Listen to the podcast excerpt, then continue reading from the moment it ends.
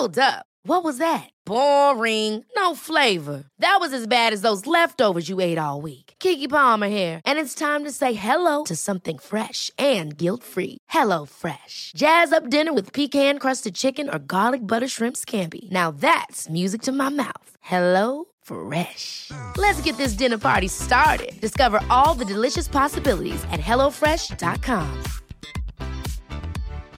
One size fits all seems like a good idea for clothes until you try them on.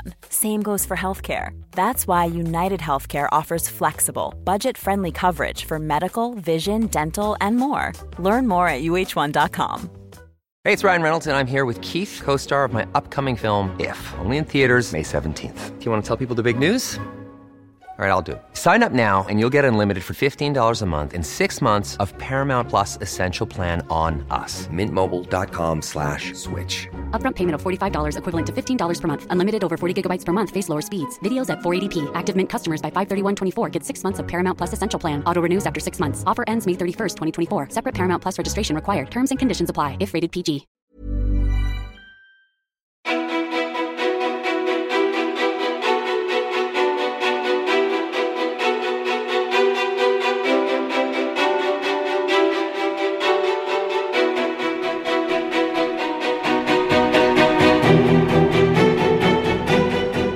Maja Parnevik tog studenten för bara två år sedan och har sedan dess byggt en kometkarriär inom träning. Hennes Instagram följs av 45 000 följare. Hon driver den populära After Workout-podden med Johanna Svicka, har 30 000 prenumeranter på Youtube, är utbildad personlig tränare och gör samarbeten med välkända varumärken. Karriären växer, företagandet likaså. Samtidigt har Maja berättat om kraftig prestationsångest. Hur förhåller hon sig till den i den här minst sagt komplicerade träningsbranschen? Vad finns bakom det där inspirerande flödet? Vem är egentligen Maja Parnevik?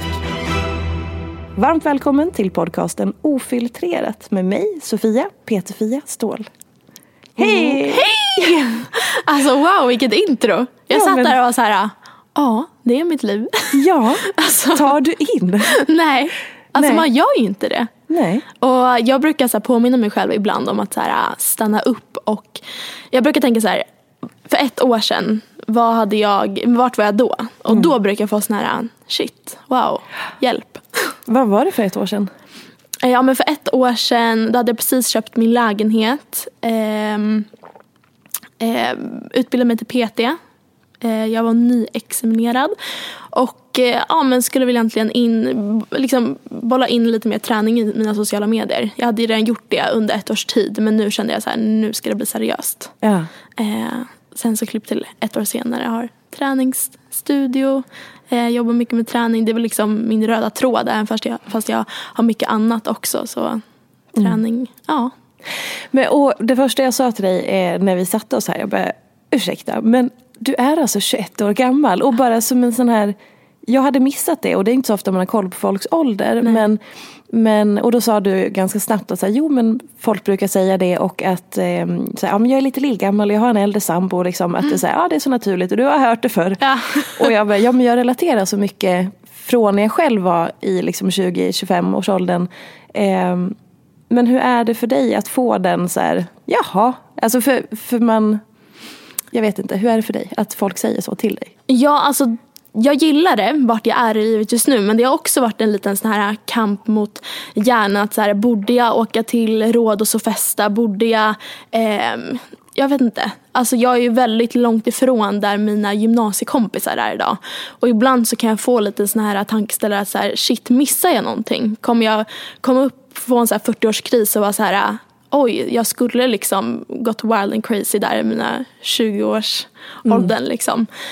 Men samtidigt så försöker jag lugna mig själv med att idag så vill jag ju inte det. Så varför ska jag göra någonting som jag inte känner för just nu?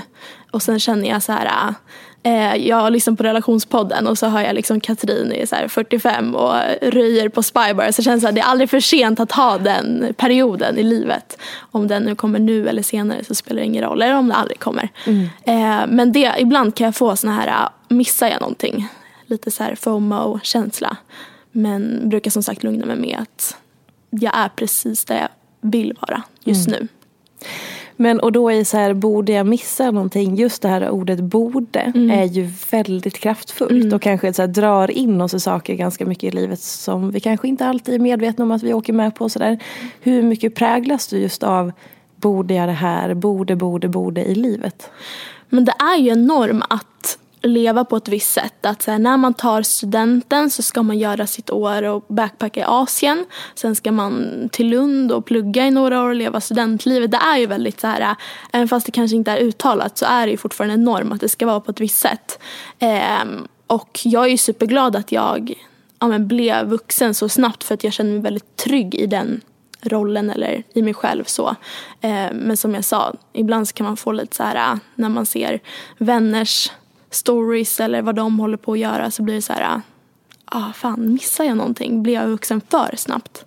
Ehm, ja, men jag vet inte, ändå lite lugn i det. Nu är det ändå, ja.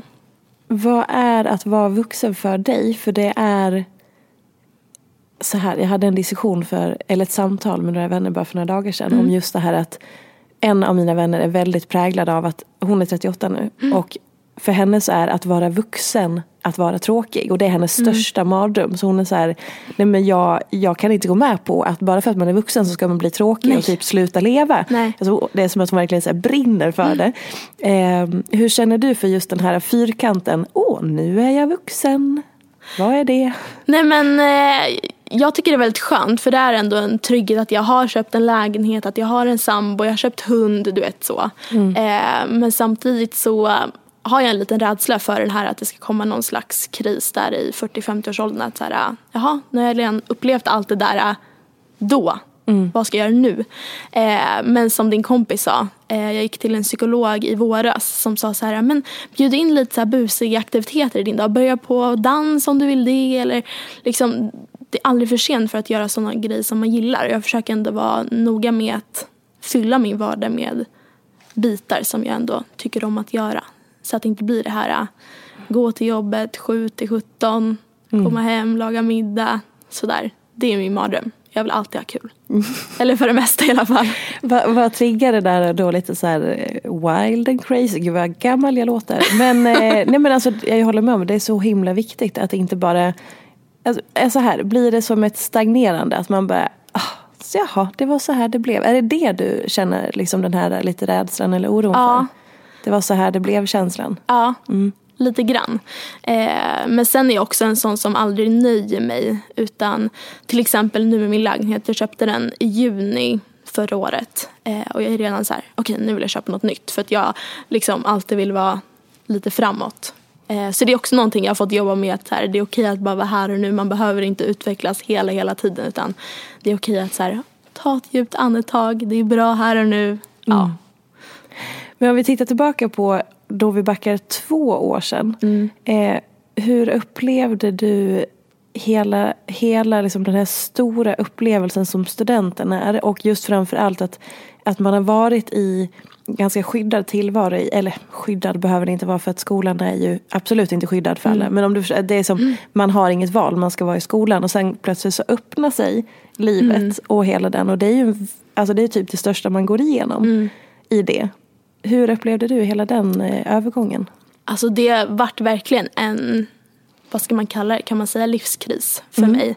Eh, för att under skolan så har jag sen, så länge jag kan minnas, varit den som presterar, alltid bäst i klassen, haft A i alla ämnen. Eh, och det har nästan blivit som min identitet. Så när jag tog studenten sen och valde aktivt att inte plugga vidare så blev det så här som att min identitet försvann för att jag hade alltid varit den som liksom skolflickan eller vad man säger. Och nu när jag inte var det längre så kände jag mig så värdelös. Eh, och som du nämnde där lite i introt, jag har alltid identifierat mig med mina prestationer. Eh, vilket då naturligt blev skolan. Eh, alltså skolresultat, prov, inlämningar. Och när jag inte hade det längre så kände jag mig jag vet inte, då, då var det verkligen verkligt att jag inte hade någon riktig självkänsla. Eh, utan att jag verkligen la det på mina prestationer hela tiden. Eh, så där var det ju verkligen att jag fick jobba, börja jobba med mig själv. Jag gick till livscoach en gång i veckan och fick verkligen börja från noll för att hitta så här, vem är jag egentligen? Och hur, eh, Vad gjorde störst intryck på dig eh, under den här resan?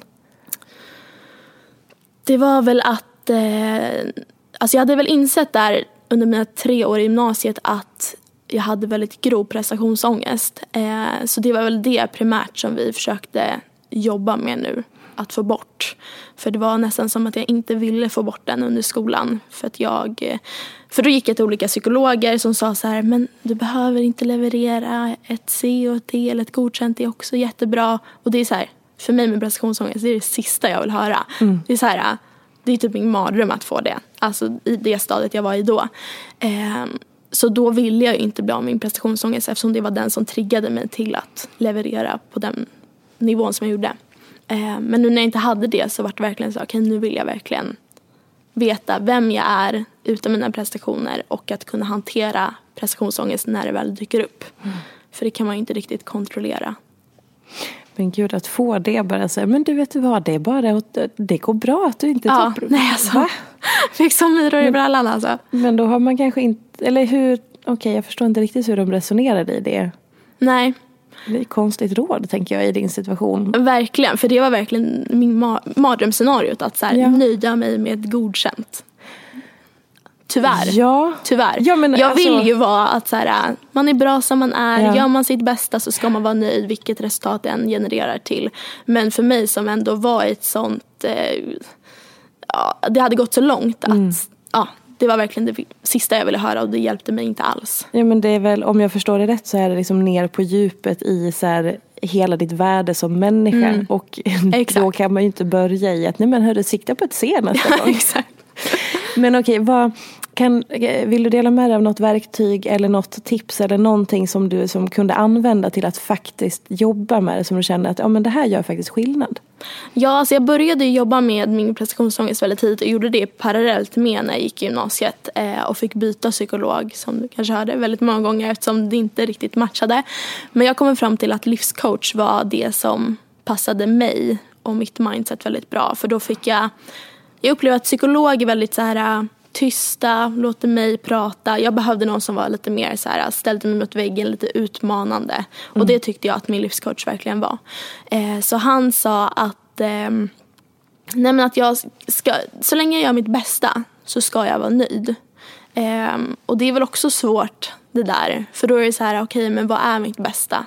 Är det att liksom plugga 24 timmar om dygnet eller är det liksom, ja. Jag vet inte, jag fick prata väldigt mycket med hjärnan helt enkelt. Mm. Men eh, ja, men mitt bästa tips nu, alltså nu har jag ändå jobbat med det ja, men i fem år.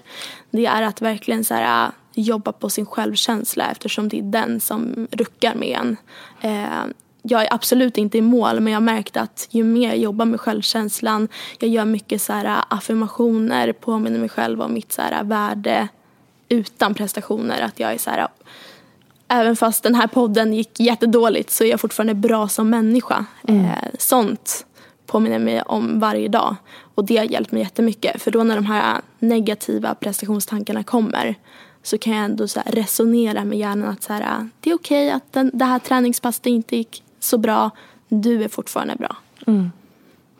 Det är, alltså vi lever verkligen i ett samhälle som är helt dränkt i mm. prestation på mm. alla sätt och vis. Eh, som vi, som vi alla märker av på olika sätt. Och just också att vi blir så formade och uppfostrade med prestation i att vara duktig. Och det är ju inte konstigt att man hamnar där. Det är jättemånga mm. av oss som är där eller har varit där. Mm. Och det är så viktigt att liksom så här, fortsätta prata om det, påminna om det och man är absolut inte ensam.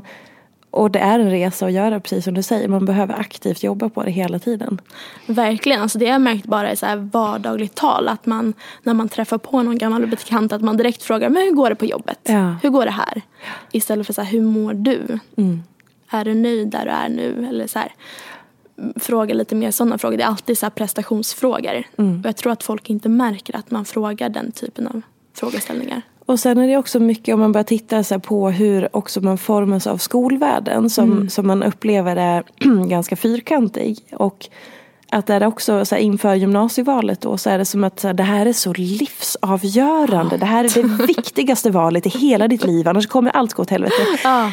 Och det är så här, varför då? Hur upplevde du hela den, den grejen? Nej, men när jag gick i nian så var jag väldigt inställd på att jag skulle bli advokat när jag blev eh, vuxen. Eller vad man säger. Eh, men sen när jag insåg hur dåligt jag mådde av att plugga på den nivån eh, så ändrades det ganska snabbt till typ ettan, tvåan där. Men själva valet, ja, men som du beskriver det, det var ju verkligen så här, okej, okay, väljer jag rätt linje, väljer jag rätt skola? Eh, det är ju verkligen så mycket större än vad det faktiskt är. Mm. För när man väl börjar i ettan på gymnasiet så då är det så himla många som så byter klass efter ett halvår eller så här. Och det är ju helt fine. Vad, vad tar du framförallt med dig från, eh, vad ska jag säga, den här förutom prestationen mm. och prestationsångesten och att jobba på de bitarna. Vad tar du framförallt med dig av de här åren som, som kommer innan du klev in i vuxenlivet? Alltså dels är det typ hur jag skulle prata så här, med framtida barn. Mm. Eh, tänker mycket på det för att så här, förhindra den så här, omedvetna pressen som jag tror att så här, folk runt omkring mig har satt på mig. Mm. Eh, omedvetet verkligen ska jag betona. Men mm. hur man kan förhindra det. Eh, men också så här, hur viktigt det är att jobba på ens självkänsla. Mm. Eh, vilket är någonting som jag har botat med hjälp av prestationer under hela min uppväxt. Eh, och nu när det verkligen så här, blir så genomskinligt i vuxen ålder så är det någonting som jag hade velat jobba på mycket tidigare eller börjat jobba på. Mm. Gud, alltså det är så, alltså jag tänker många gånger att vi, vi alla är liksom lite stöpta i samma form mm. när det mm. kommer till det här. Framförallt tjejer och kvinnor. Ja. Ehm, och det är ju många man märker som, som är betydligt äldre än en själv eller som går igenom hela livet och kanske aldrig kommer till de här insikterna för att antingen så får man inte de verktygen eller att man inte får eh, liksom, den inputen så att man får den medvetenheten och så vidare. Mm. Och så går man genom ett helt liv utan att kanske förstå just det, jag värderar mig själv utifrån min prestation mm. och det påverkar mig så här. Och då mår jag så här. Eh, det, den, liksom, den informationen och den hjälpen har inte funnits tidigare. Nej. Nej men det har jag fått höra väldigt ofta. Att så här, Gud, du ska vara så tacksam att du så här, insåg det i så tidig ålder. För att ja. jag insåg det när jag var 50 eller något sånt där. Då började jag jobba på mig Det där har jag också alltid fått höra. Också, mm. I och med att jag gick in i väggen och blev sjukskriven när jag var 24. Så, mm. liksom, ja. Jag känner igen mig mycket ja. i dig trots att jag inte är så mycket äldre. Nej. Ganska mycket äldre. Men liksom, det, är så här, det är som att våra generationer är att det är sånt stort skifte. Mm. Eh, bara från kanske de som är tio år äldre mm. än vad jag är. Mm. Och så är det som att det har hänt så himla mycket bara kanske de senaste 20 åren. Nej, men jag är så glad också för jag kommer ihåg att eh, första gången jag gick till psykolog så var jag, gick jag i sexan mm. tror jag. Och då minns jag verkligen hur eh, när kompisar frågade ah, men varför ska du smita från lektionen så var jag såhär nej jag ska till tandläkaren eller något sånt där. Man vågade liksom inte säga för det var så himla, det var bara psykon som gick till psykolog. Ja. Ehm, men nu känns det som att det är alla går och att alla typ vill gå. Mm. Vilket är jättebra.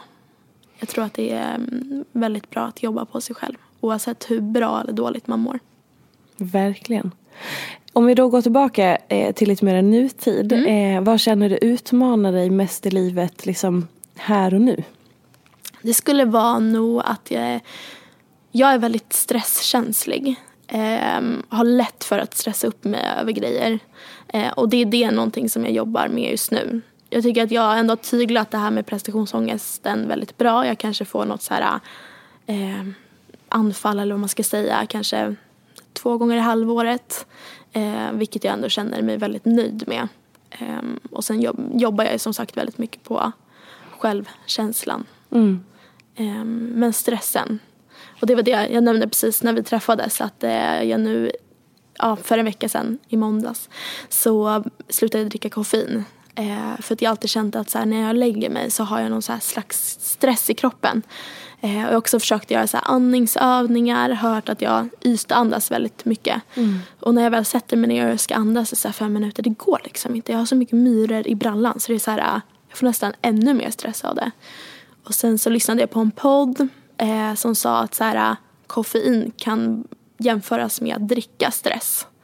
Och då var jag så här, ja men jag dricker väl inte så mycket koffein. Och så började jag se över så här, okej okay, jag dricker en kaffe på morgonen, jag dricker energidryck på dagen och så dricker jag Cola Zero på kvällen. Och så bara, ja, allt det innehåller koffein. Så då tänkte jag bara så testa en månad och se så här, vad händer om jag bara slutar med det. Sen så gör jag inte så stor grej av det. Så här, vill jag fortsätta efter det? Ja. Men jag vill ändå så se om det kanske kan vara en bidragande faktor till att jag liksom lägger mig och är stressad även fast jag inte behöver det. Och hur känner du nu? Det har gått två veckor. Mm. Eh, nu är vi inne på vecka nummer två. Första veckan var väldigt tuff. Alltså, eh, hade ont i huvudet de första två dagarna. Behövde näpa på dagen. Vilket jag aldrig har gjort i hela mitt liv. Jag var så här, va? Vad händer? Eh, men nu vecka nummer två så känner jag mig väldigt lugn. Eh, och har inte några så här biverkningar eller vad man ska säga. Så att, eh, ja, jag gillar det faktiskt. Gud vad intressant. Ja. Just koffein pratar ju en del om också påverkar menscykeln mycket. Ja, det var Eh. den. Jag lyssnade på en podd som pratade om just det. Mm. Eh, och blev lite så här, hmm. Eh, jag har alltid haft så regelbunden mens och inte så mycket humörsvängningar. Men just den här stressen. Att jag har lätt att så här, minsta lilla, att bussen är sen. Då blir jag så här, åh, stress i hela kroppen. Försöker jag så här, okej, det jag inte kan påverka, det behöver jag inte bli stressad av. Och Mm. se om det kan hjälpa. Tror du att den stressen hänger ihop ändå med prestationsdelen? Ja, alltså jag har under hela min uppväxt varit väldigt eh, på hugget, stressad, velat framåt. Jag väl nästan, jag snackade om den här duktiga flickan i skolan, men hon var också väldigt så här, stressad, ville framåt, ville väldigt mycket, målmedveten. Någonting som jag fortfarande vill ha kvar. Men jag vill ju gärna ta bort de här delarna som jag mådde dåligt av. Det här att lägga sig och inte kunna sova på kvällarna bara för att man är så uppe i varv. Det vill jag få bort. Men jag vill fortfarande vara den här drivna personen såklart. Allt det där med att försöka uppleva någon slags balans. Mm. Det, det är ju inte en rak väg. Nej, till verkligen. det. Till det. Men eh, vad tänker du, vad känner du att du också liksom är på väg i livet i allt det här som ligger framför då? Till exempel då med, med att allting du har jobbat med och fortfarande jobbar med och stressen och så, väldigt insi- många insikter ju. Mm. Var är du på väg någonstans i allt det här? Alltså nu senaste halvåret så har jag liksom spånat in väldigt mycket på det här spirituella. Jag har varit öppen för det väldigt länge. Eh, jag är uppvuxen i en familj och släkt som är väldigt öppna och mottagliga för det. Eh, så det är jag tacksam över. Men sen så har jag liksom känt att så här, äh, nu har jag gått hos psykolog, jag har gått hos livscoach. Så här, absolut, jag har kommit en väldigt lång bit på vägen. Men jag känner mig inte riktigt i mål än. Och jag är en väldigt så här, sökande själ, att jag liksom inte nöjer mig med, med det. Eh, så då tänkte jag så här, ja men så lyssnade jag på en podd eh, om ett, eh, vad ska man säga, medium eller ja, som berättade att hon hade haft väldigt mycket prestationsångest eh, och sa att hon hade blivit av med det med hjälp av att så här, eh, ja men det här spirituella, landa inåt, lyssna på sig själv, sin intuition. Så jag började faktiskt gå hos henne i våras på olika sessions eh, och tyckte att det hjälpte väldigt mycket att få en så här eh, större bild av det hela. Gud vad spännande. Ehm, ja, väldigt, väldigt spännande. Vad tar du framförallt med dig från det? Nej men att,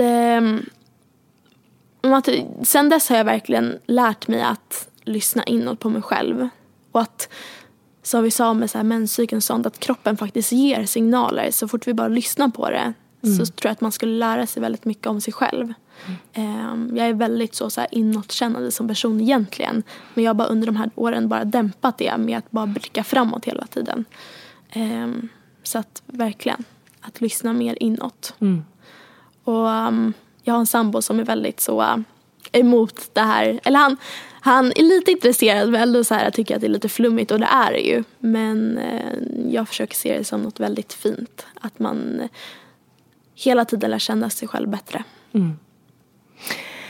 Är, gud, nu kommer jag låta som att jag generaliserar och det kanske jag gör. Men det, oh, är det inte väldigt få män som är öppna för det spirituella? Jo.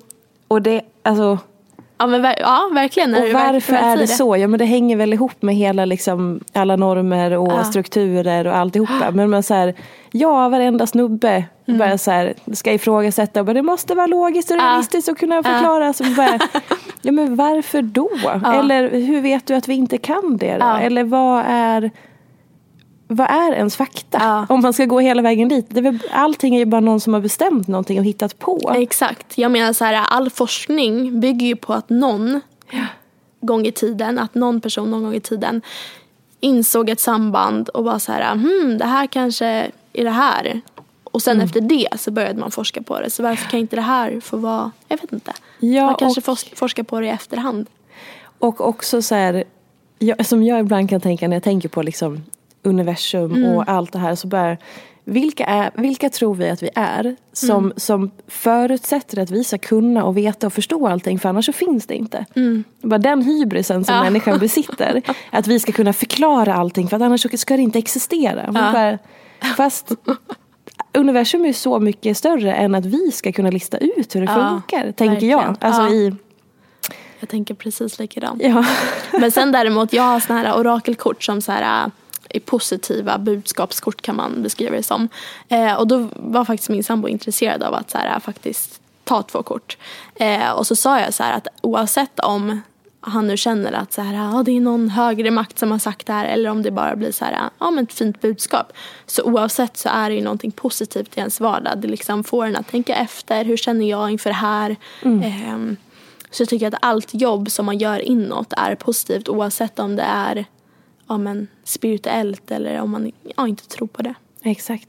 Och sen som, som allting, så här, egentligen whatever floats your boat. Exakt. Det spelar ju ingen, men också som du, och sen också är det en del så här, av kanske kritiken, och nu menar inte jag försvara, men utan bara så här, kanske nyansera lite, men att oavsett vad man pratar om så finns det ju alltid folk som är skojare eller som är fake eller som, och det finns ju i alla kategorier. Ja. Så att det är väl också så här, man får väl plocka sina russin ur kakan och hitta sin grej. Exakt, ja. Precis som du säger. Ja. Men det är just intressant, det är, så här, alla, för vi, det är många som kommer hit och berättar just det där att så här, man är öppen för det spirituella, vilket jag också älskar. Mm. Ja. Men att också säga, ja men min kille, min snubbe, min man. och man bara, ja men det är ett genomgående tema, alla män. Nej, aldrig alla män. Men ni förstår. Typ. Ja men att det alltid är så här, väldigt är ofta. så, ja. Att de vill ha det svart på vitt. Ja, Varför? Hur då? exakt. Mm. Det är ju en helt annan diskussion att analysera varför det är så. I alla fall. Men okej, i liksom det här spirituella, var, var tror du att det kommer landa någonstans? I allt det där, i och med att du beskriver dig som en sökande person. Jag tror att jag, eh, alltså mitt mål är ju att, eh, vad ska man säga, kunna andas utan att få stress. Det är mitt mål just nu. Att så här, eh, faktiskt kunna sätta mig ner, göra ingenting. Och att så här, infinna mig i det utan att så här, okej okay, vad missar jag att göra nu? Hade jag kunnat städa under den här tiden? Du vet så här, min hjärna går på högvarv. Så det är väl mitt mål just nu, att så här, kunna landa i mig själv. Och att lära mig att, eh, jag har haft lite problem med att jag alltid är en, ja men lite så här jag-sägare, lite plisa andra. Och att mer kunna säga, okej jag skulle vilja gå på det här eventet, det hade varit jättekul men just nu jag orkar inte det. Och att så här, vara fine med det beslutet. Och då, eh, om jag bara får göra en, en liten hobbyanalys, eller inte en hobbyanalys, men just att, att det blir som att den här prestationsångesten eh, där du söker ditt värde när den kommer. Ja. Men att den finns kvar i att du söker ju ditt värde i den här stressen. Att det hela tiden är okej, om Verkligen. jag inte städar nu så gör jag inte och då presterar jag inte och då är jag inte värd någonting. Verkligen. Och det där är också så himla vanligt. Mm. Alltså, det är, och det är så svårt att komma till rätta med det eller hitta liksom sin plats. Men fasen var bra. Mm. Det Och var faktiskt vilken resa du är jättekul att du sa det. För att förra veckan så hade jag en otroligt lugn vecka rent jobbmässigt. Mm. Det så här, kom inte in nya jobb och jag var så här, ah, borde jag vara stressad nu? Så här, kanske inte kom in mer jobb liksom. Mm. Men så bestämde jag mig att så här, vet du vad, jag har haft en så stressig höst med mycket jobb att göra. Nu när jag äntligen har en lugn vecka, kan inte jag bara få njuta av det istället för att återigen stressa upp mig bara för att jag inte har någonting att göra. Mm. Alltså, så att liksom sitta lite mer lugnt i båten. Att så här, allt händer av en anledning, allt löser sig. Så. Känner du att det är som direkt påverkar eller blir, alltså att det verkligen så sjunker in? Eller är det fortfarande ord i huvudet som du övar på att så här pytsa ner hela vägen ner liksom? Verkligen, jag får hela tiden, det är en ständig dialog i hjärnan faktiskt. Ehm, jag har börjat så här prata med mina tankar. Ja, Eh, fantastiskt. ja, och jag läste, eh, Josefin Dahlberg har en bok som heter Soulwork. Och hon skrev eh, ett kapitel om att så här, man är inte sina tankar. Och det jag verkligen tagit med mig sen jag läste den meningen. Att så här, när det kommer upp en tanke som ja, men så här, att jag borde göra det här. Eller så här att jag kan stanna upp och ändå ha en dialog. Okej, okay, men det är okej okay att jag inte behöver göra det här. Jag, jag kan vara här nu. Mm. Att jag ändå har börjat prata lite med mina tankar. Mm. Och det är jag väldigt tacksam över. Det är ett steg på rätt väg. Men som du säger, jag har inte helt landat i liksom att så här, jag är bra som jag är och så här, allt annat spelar ingen roll. Utan det är ju en ständig eh, utveckling. Mm.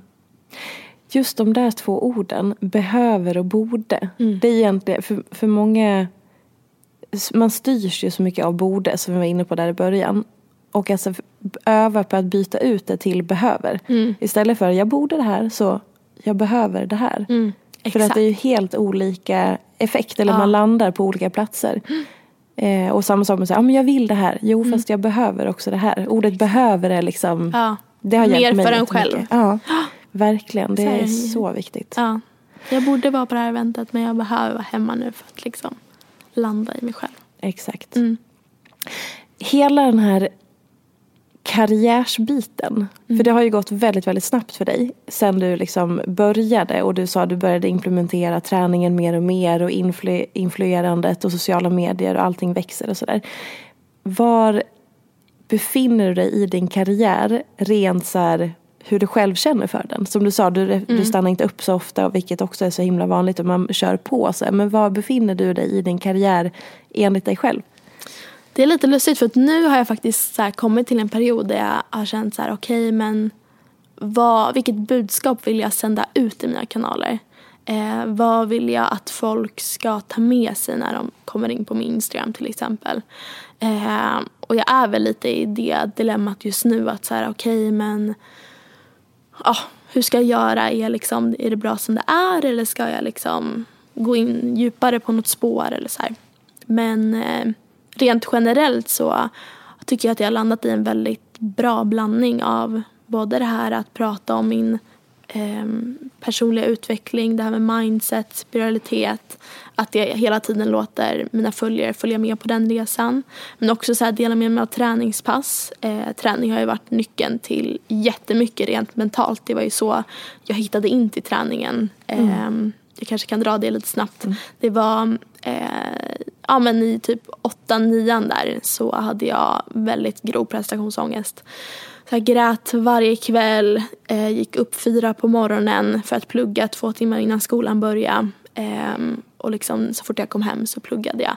Och det var liksom om och om igen varje dag. Eh, och sen var det faktiskt min mamma, hon jobbar som sjukgymnast och personlig tränare som var så här, Maja nu måste vi ta tag i det här. Mm. Eh, följ med ut på en promenad. Och jag var så här, jag hinner inte. Hon bara, jo fem minuter runt kvarteret hinner vi. Så vi började så här med, varje eftermiddag tog vi fem minuter runt kvarteret. Blev tio minuter, en kvart. Sen var så här, men följ med mig till gymmet bara en halvtimme så kan du bara gå, springa på bandet en halvtimme. Sen skjutsar jag hem dig.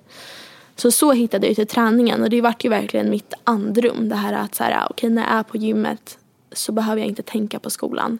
Utan jag kan tänka på här och nu, att träna. Sen fick jag också med mig de här endorfinerna. Mm. Eh, och det försöker jag också så dela med mig till följarna nu. Att hitta den fina relationen till träning.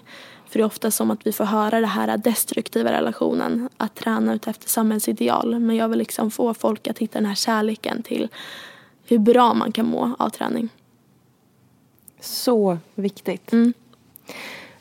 Och just det där motståndet du kände i början. var, hur liksom lyckades hon ändå få ut dig? Hur mycket övertalning krävdes?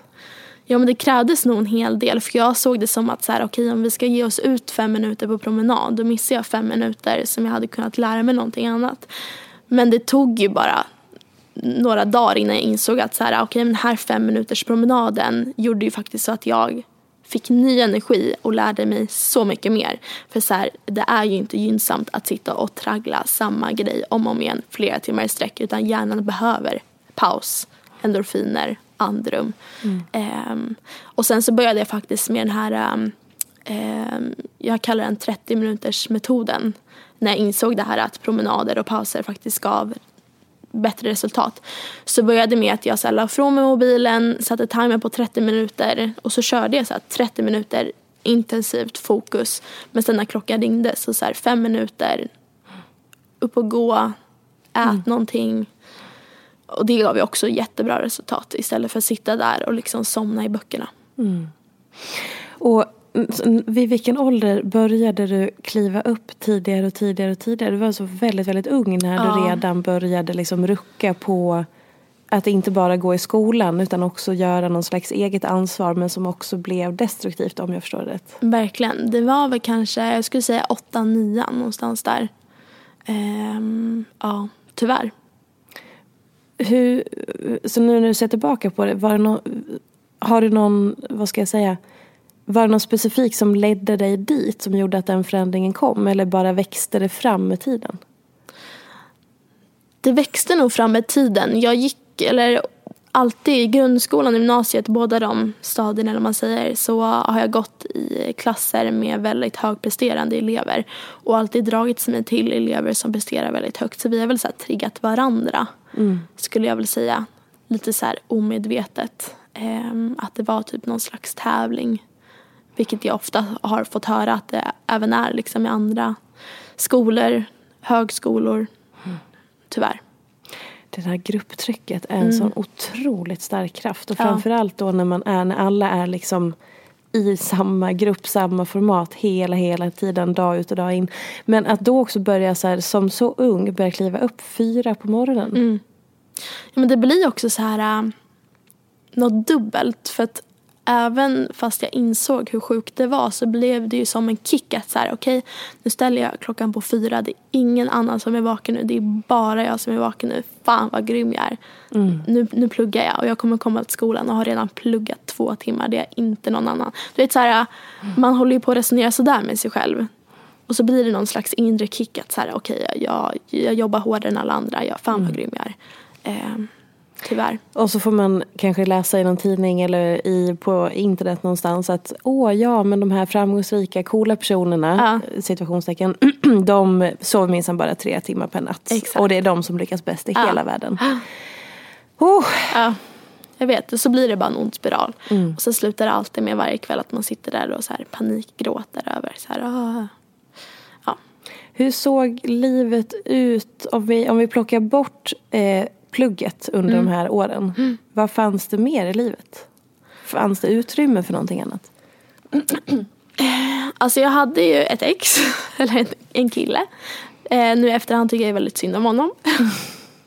Men alltså det är klart att det fanns fina stunder med. Eh, absolut. Men eh, jag, när jag väl gick in i de här intensiva pluggperioderna så har jag en tendens att stänga av allting annat. Till exempel var det en period där i, jag tror det var tvåan på gymnasiet som jag inte fick mens under en månad. Bara för att jag stängde av allt. Jag var helt likgiltig. Eh, då hade jag min kille men jag kunde inte känna några känslor. Jag kunde varken känna känslor mot, gentemot honom, glädje, sorg. Alltså jag var helt avtrubbad. Eh, fick inte mens. Det var också samma veva som jag skulle ta körkort. Så det var så både plugg och körkort i samma veva. Så jag tror att det blev alldeles för mycket. Mm. Eh, jag, jag har inte gjort någon utredning men jag skulle nog säga att jag kanske gick in i väggen där och då. För det var, alltså jag var helt okontaktbar. Mm. Eh, ja. Alltså det är...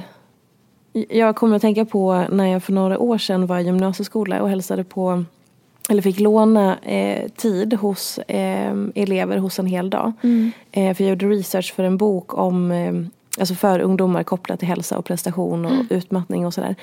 Och så kom jag till den skolan som var, eh, det var bara tjejer på den skolan. Eh, och så gick jag från klass till klass under en hel dag. Hade 45 minuter med varje klass. Och så bara frågade jag i början så här, om ni känner igen er, blunda, räck upp handen så säger jag ett påstående. Och så gav jag påståenden om eh, ångest, har du upplevt ångest, känner du dig stressad, har du känt dig stressad senaste veckan, eh, upplever du trötthet ofta, känner du att alla andra är bättre än dig, eller sånt som är kopplat mm. till allt det här vi har pratat om. Och jag skulle säga att typ 98 procent under hela dagen räckte upp handen på allt. Mm. Eh, och sen så efteråt så började vi prata och de började dela med sig och de öppnade upp och de, jag bara stod tyst och lyssnade och lärarna stod och var helt hänförda och bara vad är det som händer? Mm. De här brukar hata varandra, de här brukar alltid bråka, de där hälsar inte ens på varandra. Nu sitter de och pratar om sina liksom, sina rädslor och bekymmer och jobbiga känslor. Och det var så fina djupa samtal men alla mådde ju piss. Och alla kämpade med samma saker vilket ju var bra att de fick lyfta på det locket. Men jag känner igen, alltså både så här, från egna erfarenheter eller eh, så många som kämpar och så många som pratar om det här. Men så här vad är det för samhällsfel när vi i så ung ålder som, som det ju är, att det går bara ner. Det var en, en tjej där som i åttan var sjukskriven för utmattning och som det du beskriver och sådär. Va, va, vad, vad håller vi på med? Och det var, det var någon tjej där bak i klassrummet som satt och nästan skakade apropå att alltså man känner att stressen är liksom har tagit över en system.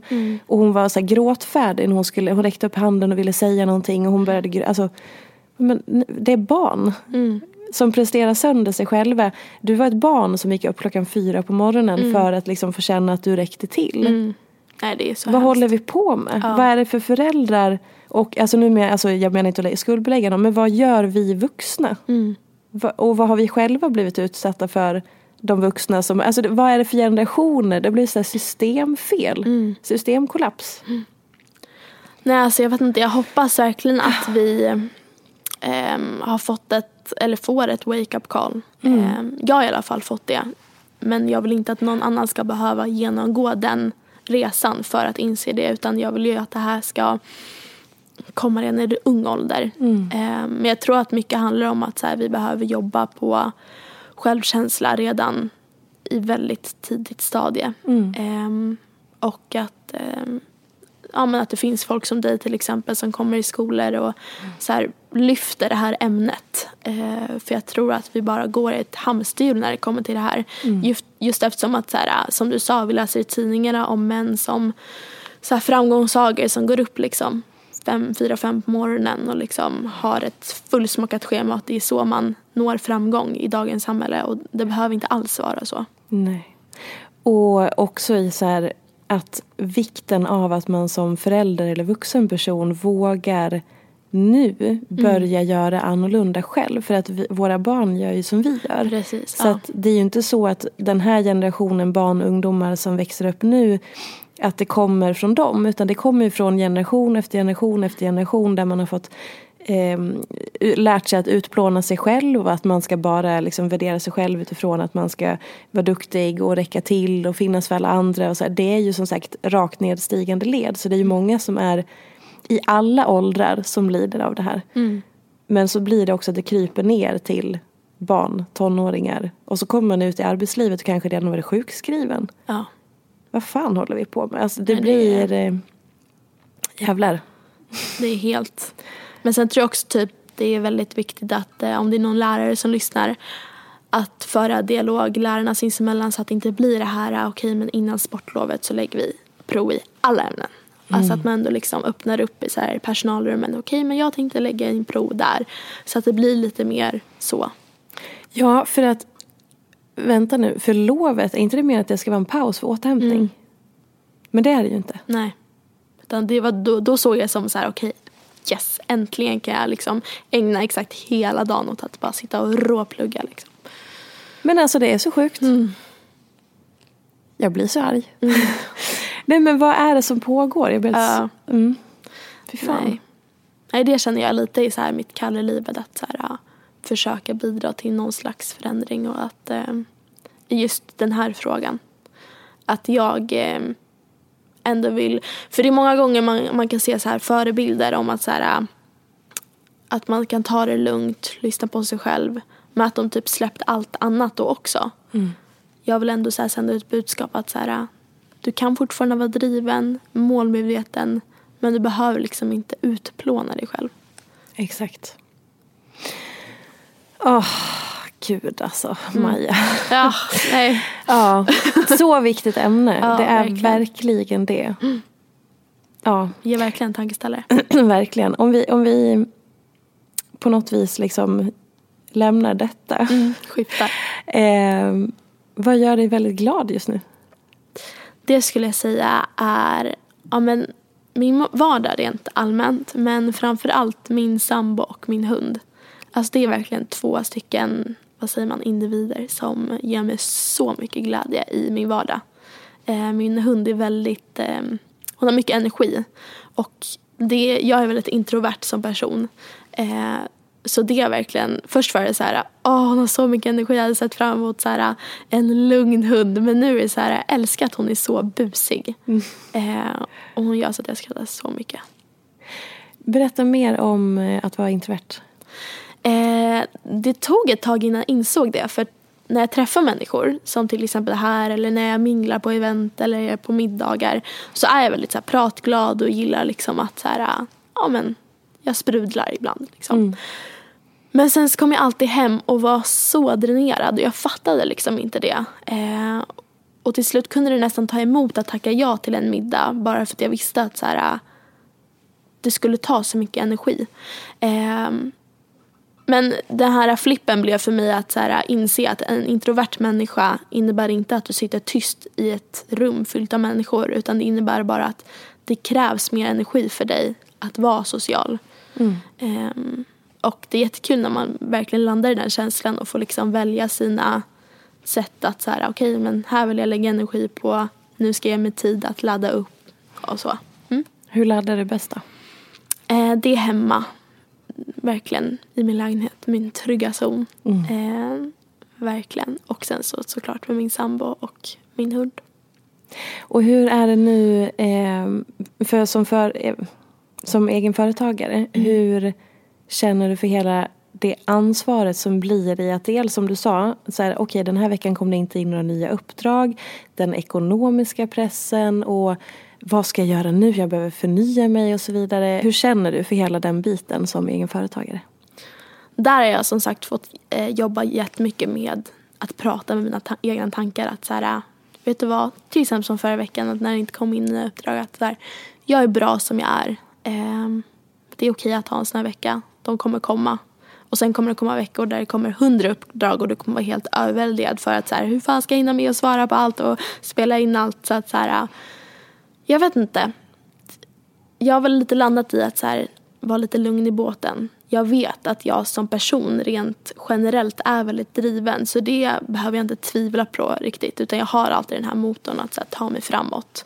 Eh, det är väl mer att jag nästan får jobba med att ta det lugnt istället. Mm. Men det här eh, kreativa, att utveckla nya idéer, det kommer nästan så per automatik för mig, vilket jag är väldigt glad över. Um, och sen så såg jag till att när jag startade upp mitt företag så jobbade jag upp en väldigt um, stor budget. Så att jag har alltid liksom så här ett kapital att um, luta mig tillbaka mot fall det nu skulle komma ett halvår av att det går skit så vet jag att så här, det är ingen kris än. Mm. Eh, I hela den här eh hela influenceryrket så mm. kan man ju ibland uppleva att det blir väldigt endimensionellt. Att man kanske inte dels som, som följare eller tittare inte, inte ser hela bilden och inte förstår eh, att det är utvalda delar och sådär. Mm. Eh, kan du påminna din följare eller tittare om det som inte syns i dina sociala medier? Det man inte får vara med på. Att det finns mycket som du väljer att inte visa. Verkligen. Det är någonting som jag pratade med, för jag tycker min kollega och vän, som du också känner, Joanna, hon är väldigt duktig på att så dela med sig av, kanske inte allt, men väldigt mycket. Eh, och jag har också försökt att dela med mig av alla bitar av min vardag. Men som du sa, så här, när jag sitter där och hulkgråter kanske inte det första jag tänker på att så här, ta upp kameran och liksom visa den sekvensen av livet. Eh, men jag försöker mer och mer ändå visa så här, okej okay, men idag har det inte varit en bra dag eller nu händer det här. Mm. Eh, nu är det en lugn vecka, det kommer inte in så mycket jobb. För det är lätt att fastna i det här, uh, okej okay, men det kommer bara in massa jobb och det ser så bra ut och hon är alltid sminkad hela tiden och hon tränar hela tiden, du vet så här. Mm. Men jag försöker ändå visa en så rättvis bild som möjligt. Men som sagt, det är viktigt att betona att Instagram är bara utvalda delar av ens liv. Det är inte hela. Vad kommer du aldrig någonsin dela med dig av tror du? Mm. Jag vet inte, jag går lite efter det här att jag vill vara personlig men inte privat. Um, jag har väl aktivt valt att inte dela med mig så mycket av så politiska åsikter. Vi säger att nu kan jag inte komma på någon på rak arm men om jag har någon så kontroversiell åsikt så lägger jag inte upp det. Um, vilket nog är lite för mig själv för jag har skonat mig väldigt mycket från så här, hat och sånt. Jag får nästan aldrig det. Och jag tror att det har varit nyckeln till just det. Eh, men det i så fall.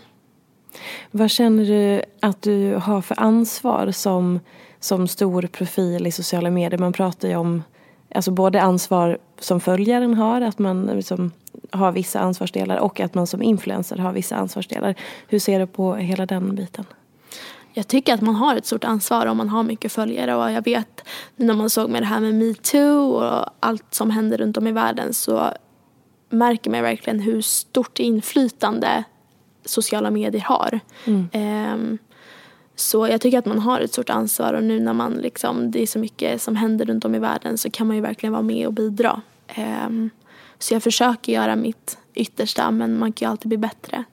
Um, men sen tycker jag också det är svårt att så här, uh, följarna har blivit så um, om, man, om man gör någonting bra så lägger många oftast vikten vid vad man inte gör istället mm. för att så här, okej okay, men nu vi säger ett exempel, nu valde jag att källsortera. Så här, det är klart man gör det, men ett basic, basic exempel. Då bara, ah, okej okay, men du är inte vegan och du är inte det här och du flyger och du gör det här. Du vet, så här, det är svårt att vara perfekt. Men man kan alltid bli bättre såklart. Ja, och det är väl omöjligt för alla att vara perfekt. Ja. Det är väl inget man egentligen någonsin behöver försöka vara. Nej. Eh, mm, det, är en, det är en svår balansgång. Absolut. Eh, men jag tycker absolut att man verkligen ska ta tillvara på sina kanaler som man ändå har. Att man kan göra skillnad. Verkligen. Och nu ska du få den sista frågan som alla mina lyssnare får. Är det sant? Nej, alla mina gäster såklart, inte alla mina lyssnare. men, alla, ja. men alla lyssnare kan den vid det här laget. Ja. Så, rensa huvudet. Ja. Vad är inte som det ser ut? Ah, vad är inte som det ser ut? Eh, oj, oj, oj, det var jättesvårt. Var, det för, vad var det första som dök upp? Plonk. Det var träningen, men det är ju typ som det ser ut. Eller? Sen. Eller hur? Berätta hur det gick. Tanken gick. Eh, nej men först bara så här, tänkte jag på så sekvenser, sen bara träningen. Mm. Eh, ja, alltså jo eller för sig. Både ja och nej. Jag har blivit lite mer privat i träningen. Eh, men det är nog för att jag just nu så följer jag programmering. Där det är väldigt massiva pass. Eh, och då har jag valt att inte dela med mig av det. Eh, bara för att jag vet att det skulle kunna trigga människor att säga oj behöver jag göra så här mycket för att det ska vara ett träningspass. Mm. Eh, ja, mm. faktiskt. Intressant. Det är så, mm. det, jag gillar den frågan för att den, den landar alltid, eller snarare den väcker så olika saker hos ja. olika människor. Ibland så säger jag också så här, du får inte säga sociala medier eller Instagram för det, mm. det är så uppenbart. Ja. Eh, men det är, ja. Den... Nej men faktiskt träningen just nu. Mm. Eh, sen jag delar med mig av sekvenser av den alltid. Eh, och försöker vara öppen med så här, idag gick det jättedåligt, idag blir det ett PV, idag, du vet så. Ja. Eh, men just för, ja just nu är det väldigt eh, köttiga pass. Och då har jag valt att inte, för jag vet att det kan trigga många. Och det, vill jag, det är det sista jag vill. Mm. Vad hoppas du att man tar med sig från vårt samtal? Eh, just den här uh, förändringen som både du och jag uh, strävar efter. Att så här, uh, den här prestationsångesten, att den, att den finns hos så många. Eh, jag tror att många också är väldigt omedvetna om att de har den. Mm. Ehm, och så skapa en medvetenhet om det. Samtala med ens omgivning, framförallt barn i ung ålder. Det hoppas jag att många tar med sig från dagens samtal. Och var vill du att vi följer dig någonstans? Eh, just nu så finns jag på Instagram. Det heter Maja Parnevik, Maja med Y.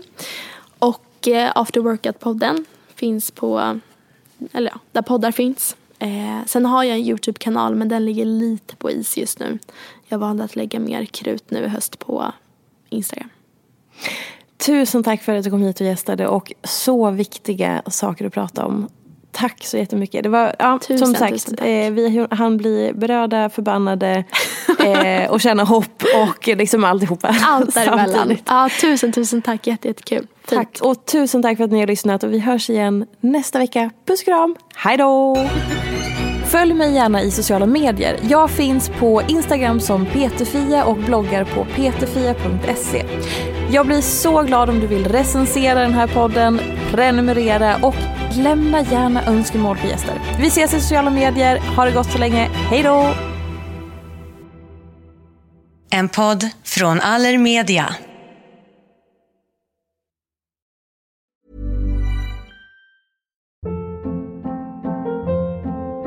Hold up. What was that? Boring. No flavor. That was as bad as those leftovers you ate all week. Kiki Palmer here, and it's time to say hello to something fresh and guilt-free. Hello Fresh. Jazz up dinner with pecan-crusted chicken or garlic butter shrimp scampi. Now that's music to my mouth. Hello Fresh. Let's get this dinner party started. Discover all the delicious possibilities at hellofresh.com.